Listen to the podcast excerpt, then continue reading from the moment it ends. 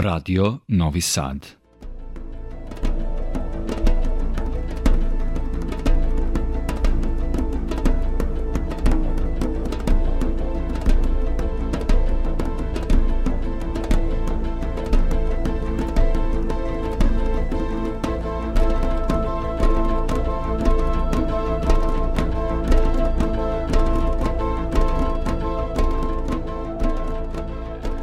Slušalci, vi pratite program Radio Novog Sada i još jedno izdanje emisije Vox Humana. Pre tačno sedam dana započeli smo razgovor sa našim sagovornikom, doktorom Darkom Polićem, arhitektom, urbanistom, planerom, dve decenije zaposlenom u javnom komunalnom preduzeću Urbanizam u Novom Sadu, autorom brojnih priručnika i zbornika u domaćoj strani sručnoj periodici, gostićim predavačem na različitim visokim školama, jedinim arhitektom potpisnikom aplikacije za titulu Novi Sad, Evropska prostornica kulture 2021. Vođom sručnog tima urbanista pri fondaciji 2021. Vođom tima Expo Milano, aktivnim učesnikom brojnih manifestacija posvećenih arhitekturi i tako dalje. Pominjali smo objašnjenje profesije urbaniste, prostornog planera, krećući od osnova poteklih iz humanizma i renesanse i teorije Tomasa Mora o postojanju utopije, koju on detaljno objašnjava i kao matricu idealnog sveta ili zemlje koja ne postoji, ali i kao parče raja kome težimo, kroz vizuru naše sobstvene želje da ga definišemo i iscrtamo tragojući kroz istoriju i rukovodeći se do sada sakupljenim znanjima sada i ovde. Pomenuli smo i život u neretko absurdnim situacijama gde privatni sektor diktira sled događaja oličeno sintagmi što više kvadrata na što manje prostora, ali i o neophodnosti i nužnosti gradskog građanskog aktivizma koji bi osim kulturne baštine određenog habitusa koja već postoji kao da je od tradicije, iznalaženjem drugačijih, ali celishodnih i opravdanih rešenja, do kojih se zajednički dolazi, mogao svima nama pružiti jedno lepše, humanije, zdravije i bolje mesto za život. Večeras nastavljamo razgovor sa našim gostom.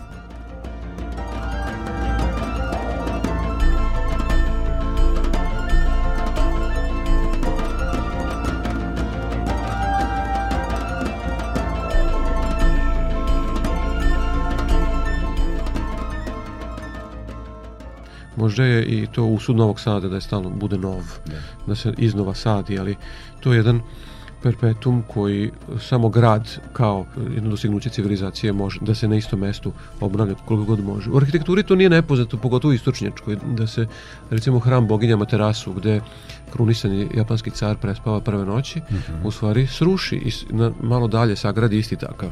Šta se time dobija? Time se dobija da su zanatlije u sledećoj generaciji naučile do detalja kako se pravi daska, taj slog i tako dalje.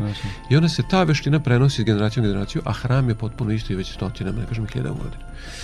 Novi Sad bi mogao da kaže, e sad mi pravimo novi grad, ali svi žele da su u tom centru. Sad svako je želeo da nešto ostavi. To davno nije trend više u svetu, niko ne živi u downtownu, mislim da je potpuno... Ali govore, ako govorimo tu identitetskom malo pre temi, znači imali smo gradsku kuću, imali smo crkvu imena Mariju katedrali, imali smo sabornu, imali smo sinagogu. E, imali smo Jermensku pa više nemamo. Sad neko novi hoće tu da ostavi trag u tom svetom delu. Sad je bulevar produžen, nije mogao pre drugog svjetskog rata, može posle iz više razloga, pa smo mi stavili svoju vertikalu glavna pošta. Znači pošta je simbolički napredak komunikacije i tako dalje. Ona je u jednoj vrlo solidnoj brašovanoj zgradi, ja ne kažem, ali ona je zapravo raskrčila deo starog sveta da bi tu postavila.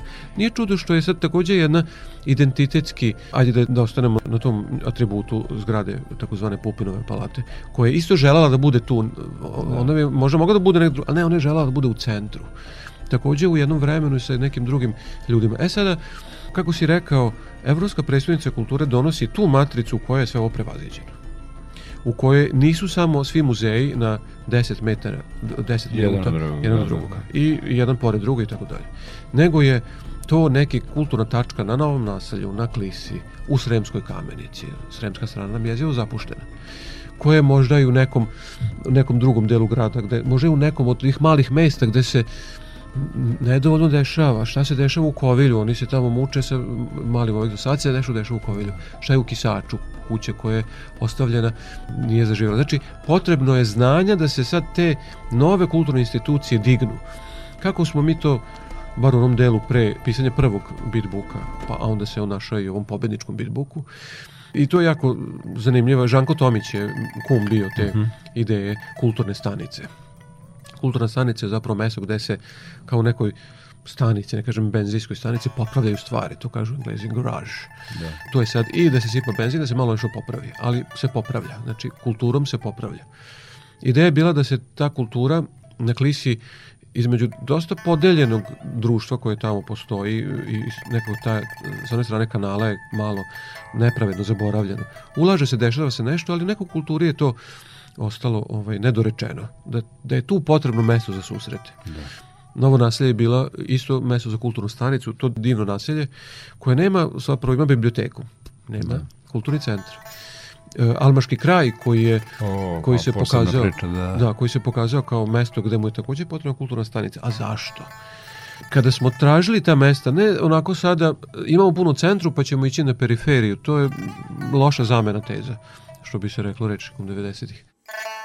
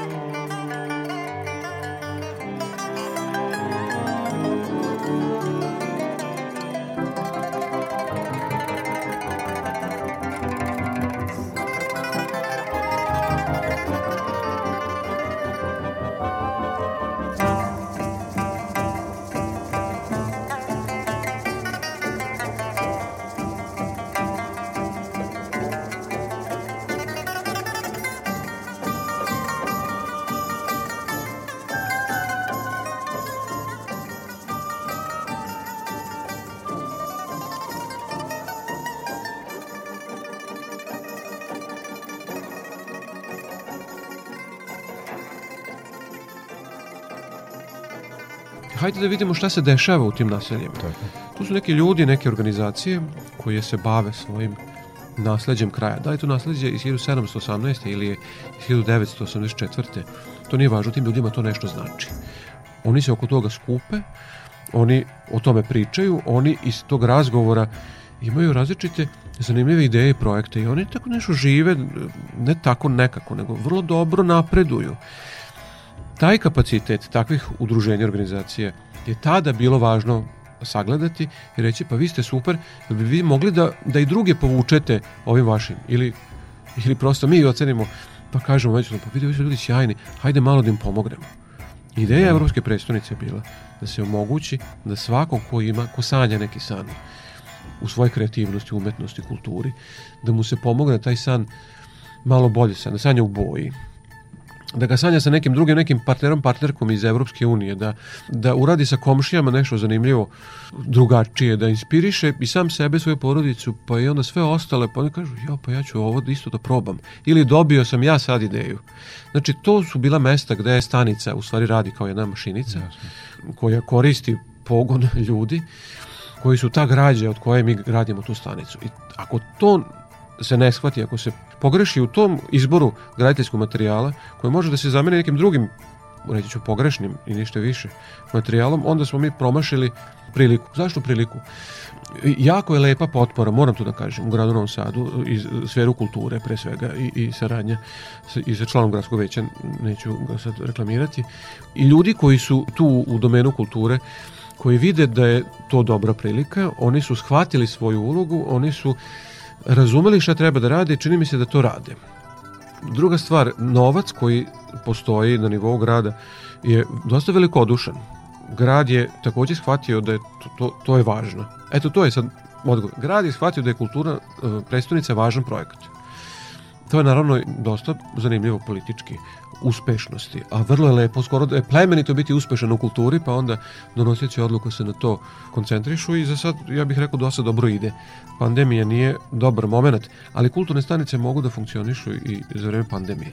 Možda nećemo imati veliki festival, nekako, malo smo mi to i, i imali, sad, nije zato što sam stariji, Exit je to nama pokazao šta mogu biti festivali. Pa, možda megalomanski malo. Pa, ovaj, Da, e, bojim se samo, moj strah je bio da se ne samo koncentracija snage, energije, volje i pažnje usmeri na festival za festivalom, za festivalom, za festivalom. To je jedno prejedanje jednog istog u kome smo mi posmatrači i uh, aplauderi, a nismo stvaralci.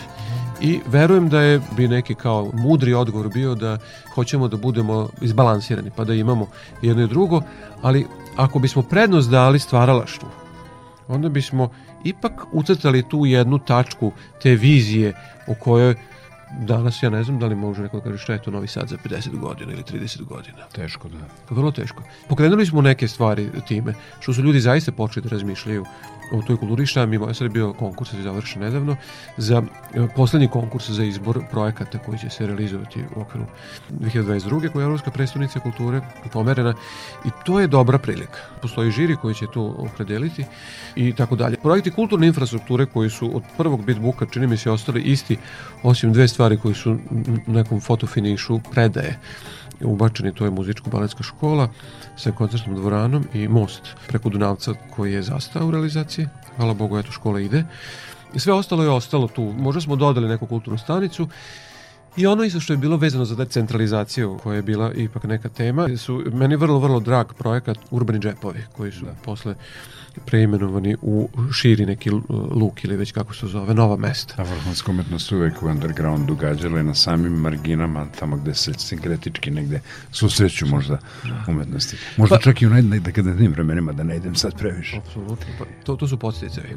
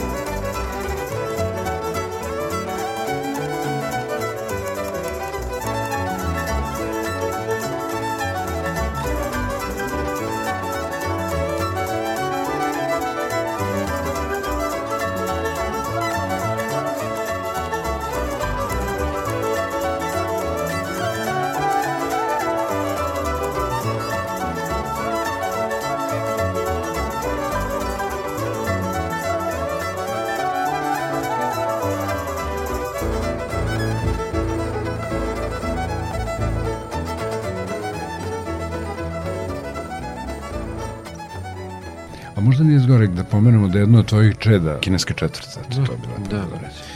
To je, ovaj, kad tako me ovaj, povežeš direkt, onda čovjek ima veliku odgovornost. da jeste i Dobro, nije. spasili smo je, definitivno. Da, Da. da, mi smo je spasli. Da, od nas samih. Apropo one priče na početku. Neke stvari su tu mogle još čak malo bolje kad bismo bili baš onako jako strogi prema sebi. Mogli smo još spasiti nešto. Ne kažem ja kao odgovorni urbanist ispred tima koji je radio taj plan, ali su uslovi kanele blizu. Naš strah od tih poplava Da. je od institucije koje to opredeljuju tu prosto bio jako strog. Ali kineska četvrt je ono što sam malo pre govorio o kulturnim stanicama. Tu je, su bile žeravice jako fine, jako fine žeravice koje su tinjale i kojima je trebalo malo pomoći tom prilikom koja se zove Evropska predstavnica kulture.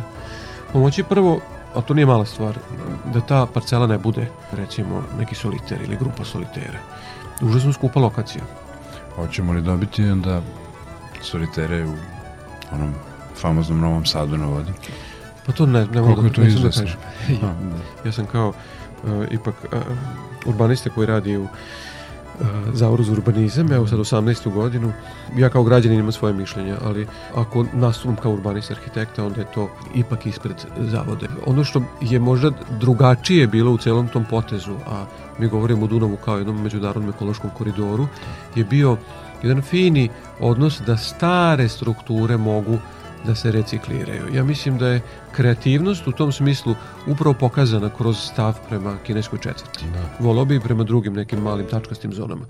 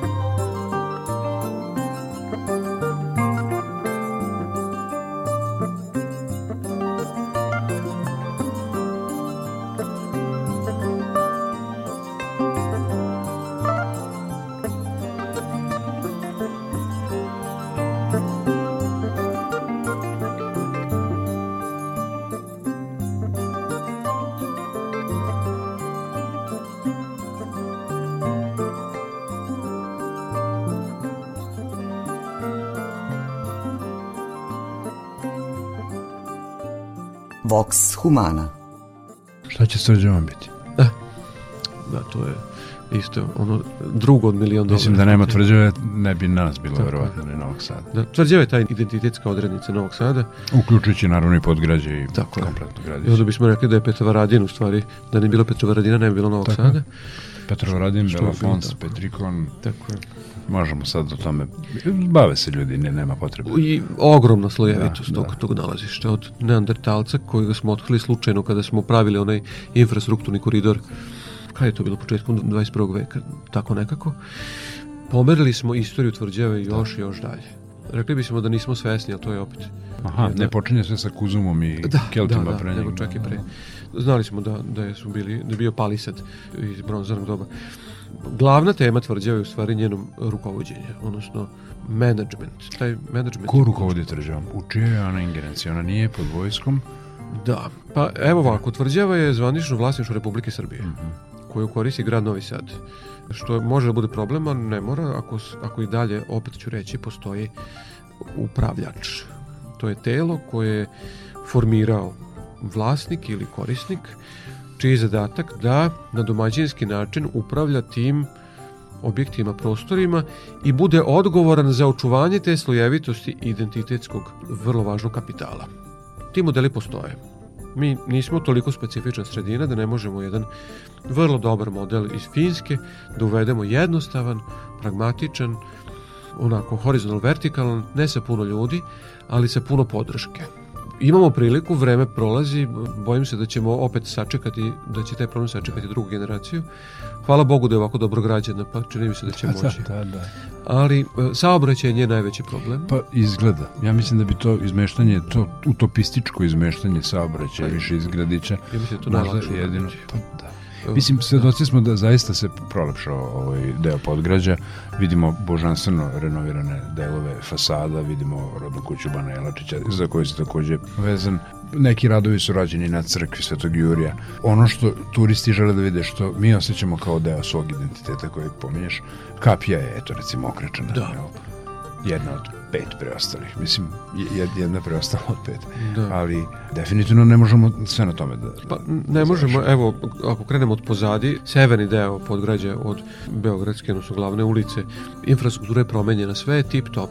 Da. I onda mi na sa tim granitnim, preskupim pločama, koje nema ni centar Novog Sada, imamo parking iz kog svaki dan kaplje ulje iz automobila i to ne može da se sagleda, te parkinge na ostacima prve kasarne koje 1720. je tu podignuta pa je srušena kada je napravljena ova veća.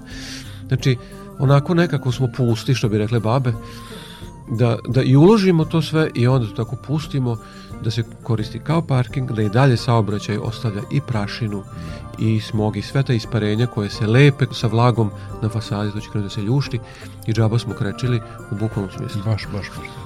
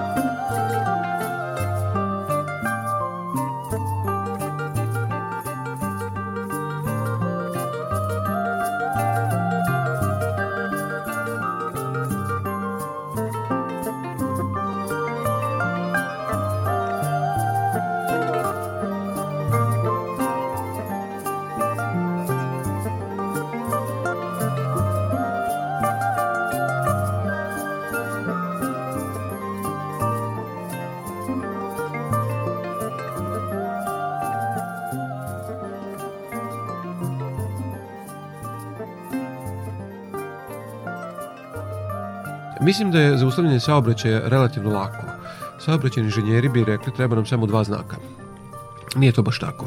Možda tunel jeste jedno od rešenja pa, ili možda nije.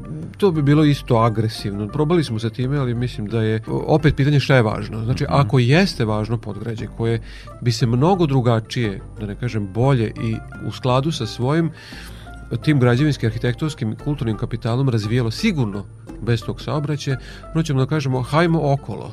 Da. Do, pređimo Varadinski most, ali hajmo levo i desno levo prema Žeželju. Levo prema Žeželju, odnosno oko pa u Reljkovićevu, a treba da se pravi obilaznica oko Petrovaradina na Dolmi iza pruge. Da. A desno idemo do Tranđamenta, pa ćemo tu da se spustimo u Petrovaradin. Nema zaustavlja, nema semafora i tako dalje i tako dalje.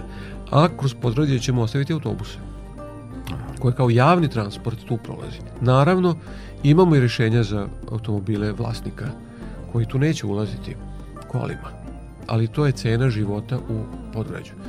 Pošto je to toliko vredno, značajno i toliko redko očuvano, jer ne samo zbog ratova i svega što neko se onako ponosimo kao sa, sa nekom užasnom patetikom i, i težinom, da su kod nas stalno prolazile neke vojske, pa je sve razrušeno. Da.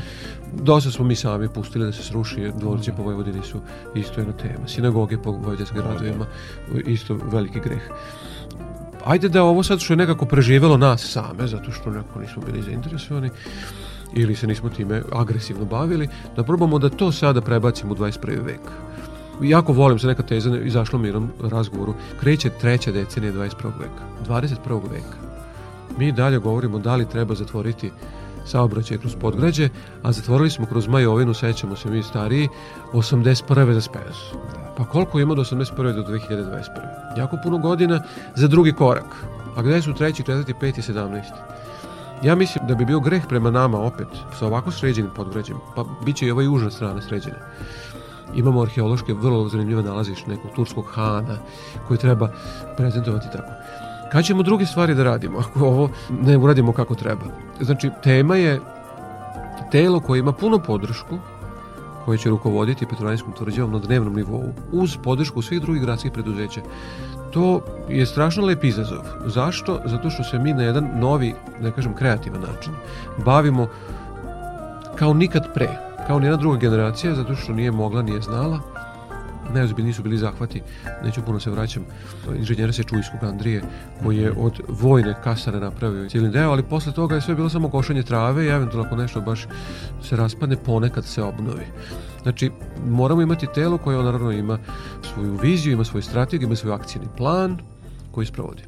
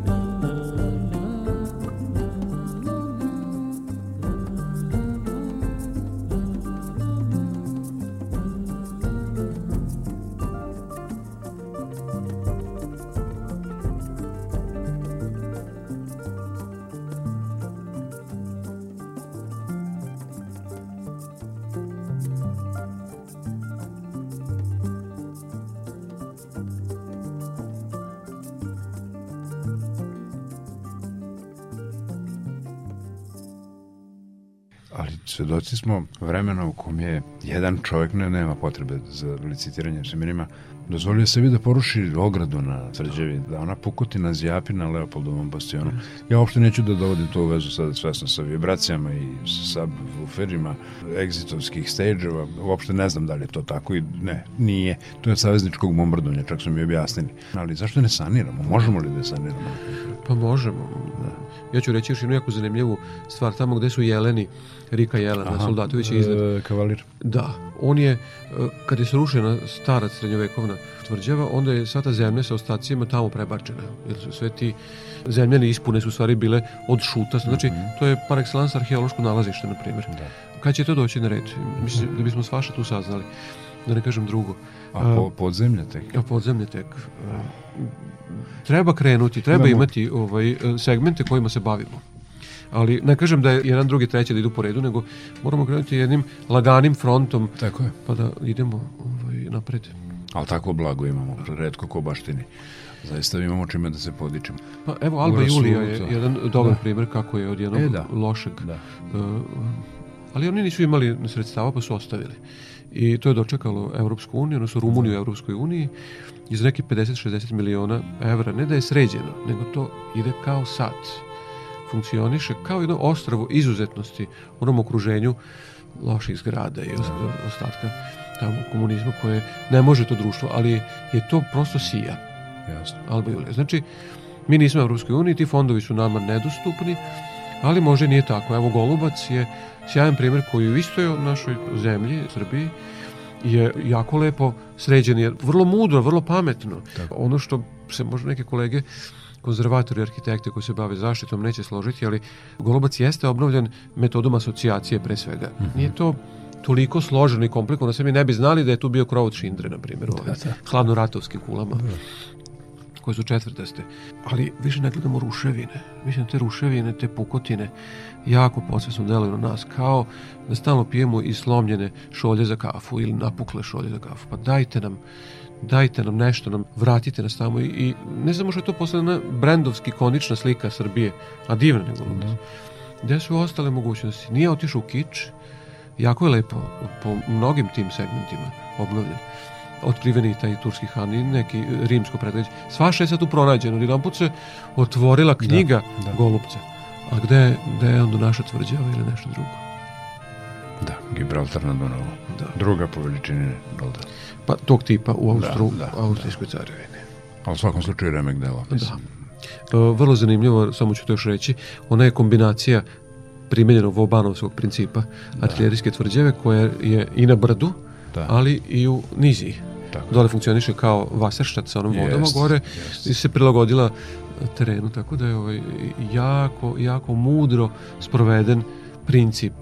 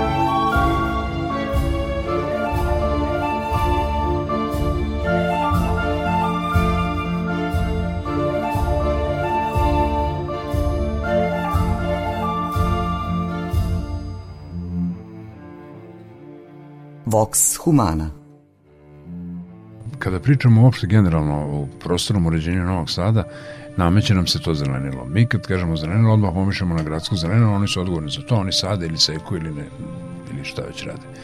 E, definitivno mislim da je posao urbaniste da predvidi zelenu površinu.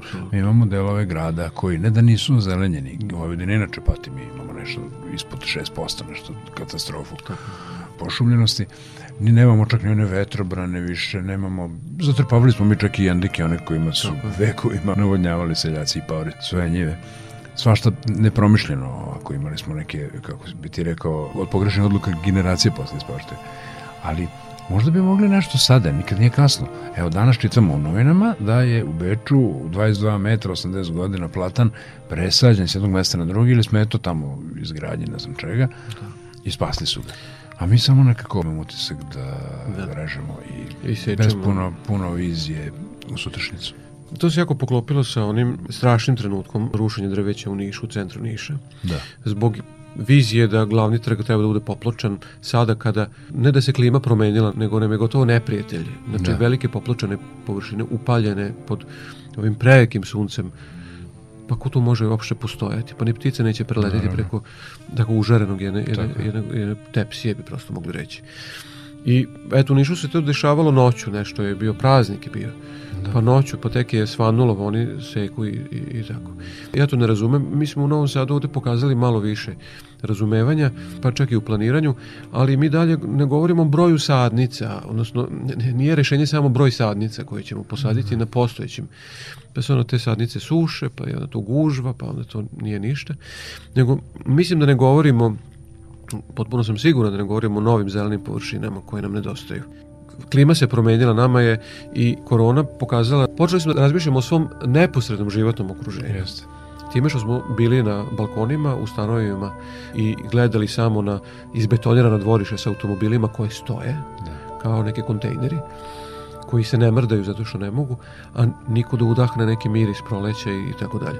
Jako je nehumano da govorimo o gradu u kome nema dovoljan broj zelenih površine.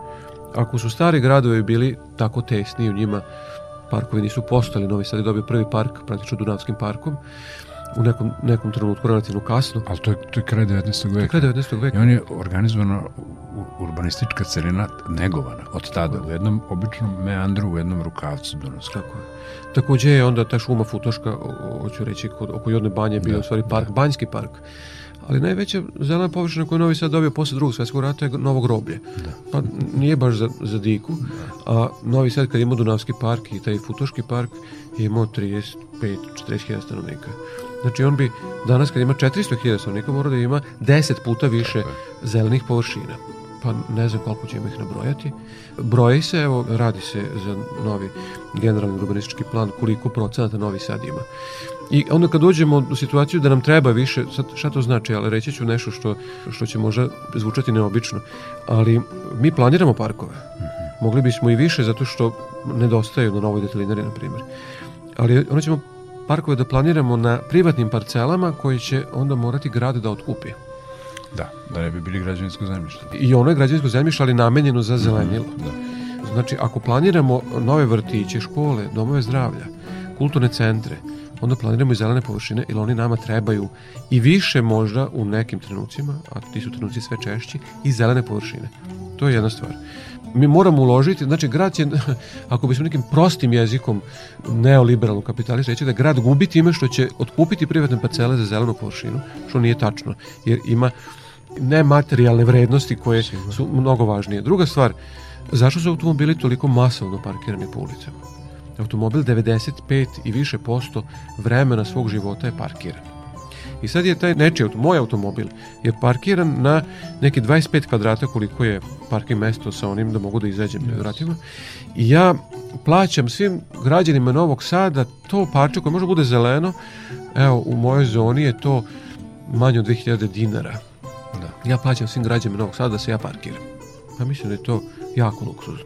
Ja bih volio da kažem da imam dobar uh, gradski prevoz, ja sam inače biciklista i samo baš kad pada sneg se ne vozim, ali volio bih da gradski prevoz bude takav, opet mora biti malo drugačiji za ovoliki Novi Sad nego pre, da ja mogu da imam neku izvesnost da meni na aplikaciji na mobilnom telefonu kaže stiže ti dvojka tada. I da ja onda potpuno sigurno tog minuta stojim na stanici i stiže dvojka. I kada, koja mi treba. Onda meni ne treba automobil. Mogu da odem u prvi Max ili Deju, da kupim šta mi treba, možda jednom mesečno ili jednom nedeljno mi treba da odem negde dalje i tako da. Sad, to su naravno sve stilovi života koji se mogu promeniti, ali gradovi po Evropi koje mi apsolutno pripadamo zatvaraju šire pešačke zone. A nisu te zone izumrle, nisu se ljudi ocelili, Naravno. nego nasuprot, žive u tome, udišu čisti vazduh.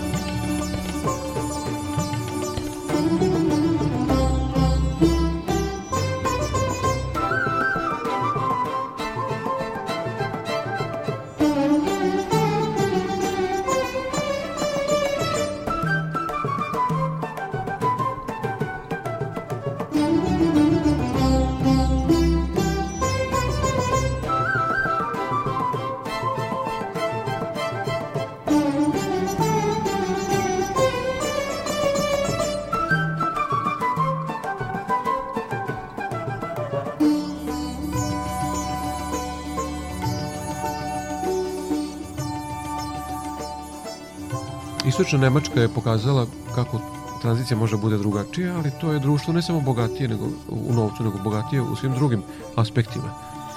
Oni su rušili stare zgrade, su se istočni Nemci selili na zapad. Oni nisu, recimo, dozvolili da korisnik stana postane vlasnik za neku sitni iznos u odnosu na današnju vrednost tog istog stana, nego su te zgrade koje su vremenom bile gotovo ispražnjene i selili te stanovnike u nove zgrade, srušili napravili nove humanije objekte, energetski efikasnije i zelene površine proširili.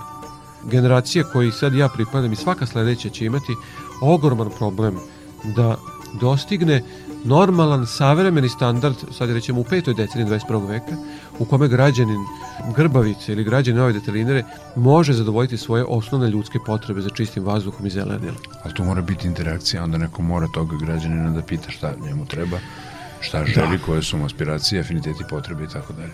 A ne, mislim da tu nikakvog kontakta i feedbacka nema. Ja se radim građanskom aktivizmu jako, jako, da. jako. Vidi, ja ne bi da te dovodim u napretnu situaciju, ali mi definitivno... Pa ne, ali govorimo imamo, na nivou... Imamo i, i, i mafiju građevinsku da. i kriminogene neke strukture koje ziduju gde god može i gde god ne može. Kažu, nije Vagres izučeno onako parcela te kučiće označeni prodati stanovi unapred na mestu gde apsolutno tome mesto nije. Ja ću reći nešto što je isto možda neobično, ali stalno razmišljam o tim stvarima, pa onda, eto, podelit ću. Ja mislim da građanski aktivizam strašno pomaže političarima. te ideje koje su sad sve bolje i bolje ili ja ih doživljavam koji se čuju u javnosti, ima i drugih ideja koje su samo se koristi kao neko oruđe mm. za neke borbe, ima i takvih ideja, ali ima i dobrih ideja koje kažu mi bismo ovde više ovoga, ne ovoga. Da li možemo? I onda lično sam imao iskustvo da su donosioci odluka, znači političari, rekli mi ćemo to podržati. I hajde da se na to koncentrišemo, da kažemo da političarima pomognemo time što ćemo im ponuditi neku dobru ideju. Ukazati, yes. Organizovano je to prikazati -huh. i čak uvijek ima neki pravnik, neki ekonomiste koji to može da, da složi. Nekad je nešto i moguće, ne bismo verovali da jeste. Ali nam je potrebna ta e, dobra namera pre svega. I da u iste dobre namere, koja onda nije frustracija, nego je jedan normalni način komunikacije i jedna malo jača aktivnost koja kaže, vidite, ovo je važno, mi ćemo pomoći da, da to iznesemo zajednički, mi ćemo vas podržati. Svi će, pa evo gradonačelnik Kaiser koga sam spominjao iz Poznanja. Pa on sad može biti doživotni gradonačelnik, sad je zamenik gradonačelnika, znači ne može više da bude glavni. Ali on je pomogao građanima, oni su njemu mnogo više pomogli. I divan čovjek, ja sam ga na jednom velikom skupu, samo sam prišao i on je meni posvetio 10 minuta, nije morao. Ali to je jedan profil političara koji više sluša. Ja verujem da, da kod nas ima, ne znam sad koliko, ne družim se s njima baš toliko puno, ali znam neke koji su, ne da saslušaju i ne da poslušaju, nego prosto su i sami imali tu ideju, ali može im baš sad treba reći, pa to su zajedničke ideje, ajmo, ajmo da, da, pod ruku. Da, to su ti sistemski napori. Dakle, zaključujem iz svega ovoga da mi imamo definitivno sve preduslove da kao jedna kulturna, svesna sredina napravimo naš prostor i humanijim, i lepšim, i prijatnijim, i komfornijim za život, ne treba nam mnogo. Znači, treba malo dobre volje, da. treba se osloboditi tog jarma privatnog sektora koji diktira sve i tamo gde ne bismo da diktira. Dakle, zaista prava participacija građanstva, ne ono samo demos kratere po definiciji, nego sa konkretnim upravima i da onda je naš grad bude jedno bolje, lepše mesto za život. Imamo odgovornost da, pa svi nas gledaju s malo ljubomore, mogli bismo reći, Da, jeste Novi Sad najevropski, sad tako to su tako priče, pa jeste, služili ste, ali mi moramo u evropskim razmerama da budemo prestonica. Apsolutno. I to ćemo pokazati minimalno tako što ćemo savremene standarde usvojiti i na osnovu njih komunicirati, to se i dešava, ali posle ovog iskustva nikad nećemo biti isti, ne smemo biti isti. Ne smemo. Titula Evropske predstavnice kulture je odgovornost koja da, obavezuje. Stoji, obavezuje. obavezuje.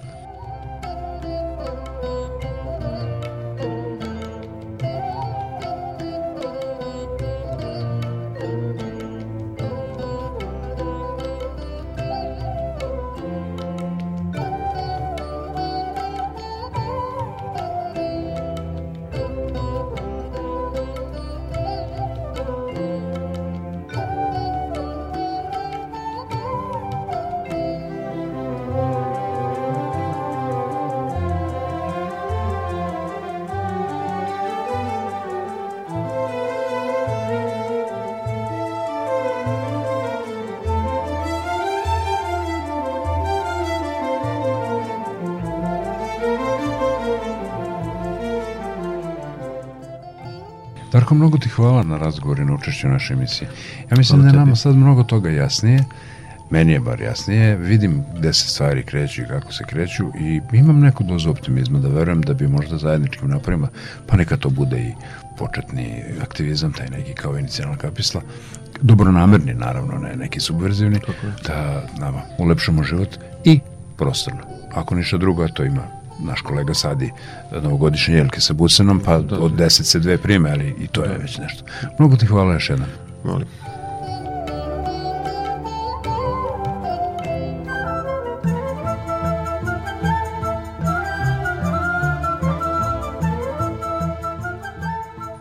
Poštovani slušalci, bilo je ovo još jedno izdanje emisije Vox Humana. Sa nama je protekli 60 minuta bio dr. Darko Polić, urbanista planer, koji je zaposlen u javnom komunalnom preduzeću Urbanizam Novom Sadu. Kao što smo videli, prostorno, odnosno urbanističko planiranje kada je grad u pitanju, gde najveći deo civilizacije dolazi do najvećih dostignuća, nije privilegija ili ekskluziva imanentna obrazovnim pojedincima, već podrazumeva sistemski napor kolektiva i nužnu interakciju onih koji donose odluke i građana koji bi trebalo ravnopravno da participiraju u istom procesu. Struka ovde može da usmerava i savjetuje, ali nikako nema izvršnu moć. I kao što smo od našeg sagornika čuli, život u neretnako absurdnim situacijama, kada privatni sektor diktira sled događaja, može da se popravi nužnošću građanske participacije, neretko kroz aktivizam, u kompleksnom i složenom sistemu koji za cilj nema samo očuvanje materijalne baštine, nego upravo da inovacijom drugačijih i celishodnih opravdanih rešenja, do kojih dolazimo zajedničkim pregnućima, ostvarimo svima jedno lepše, humanije, zdravije i bolje mesto za život.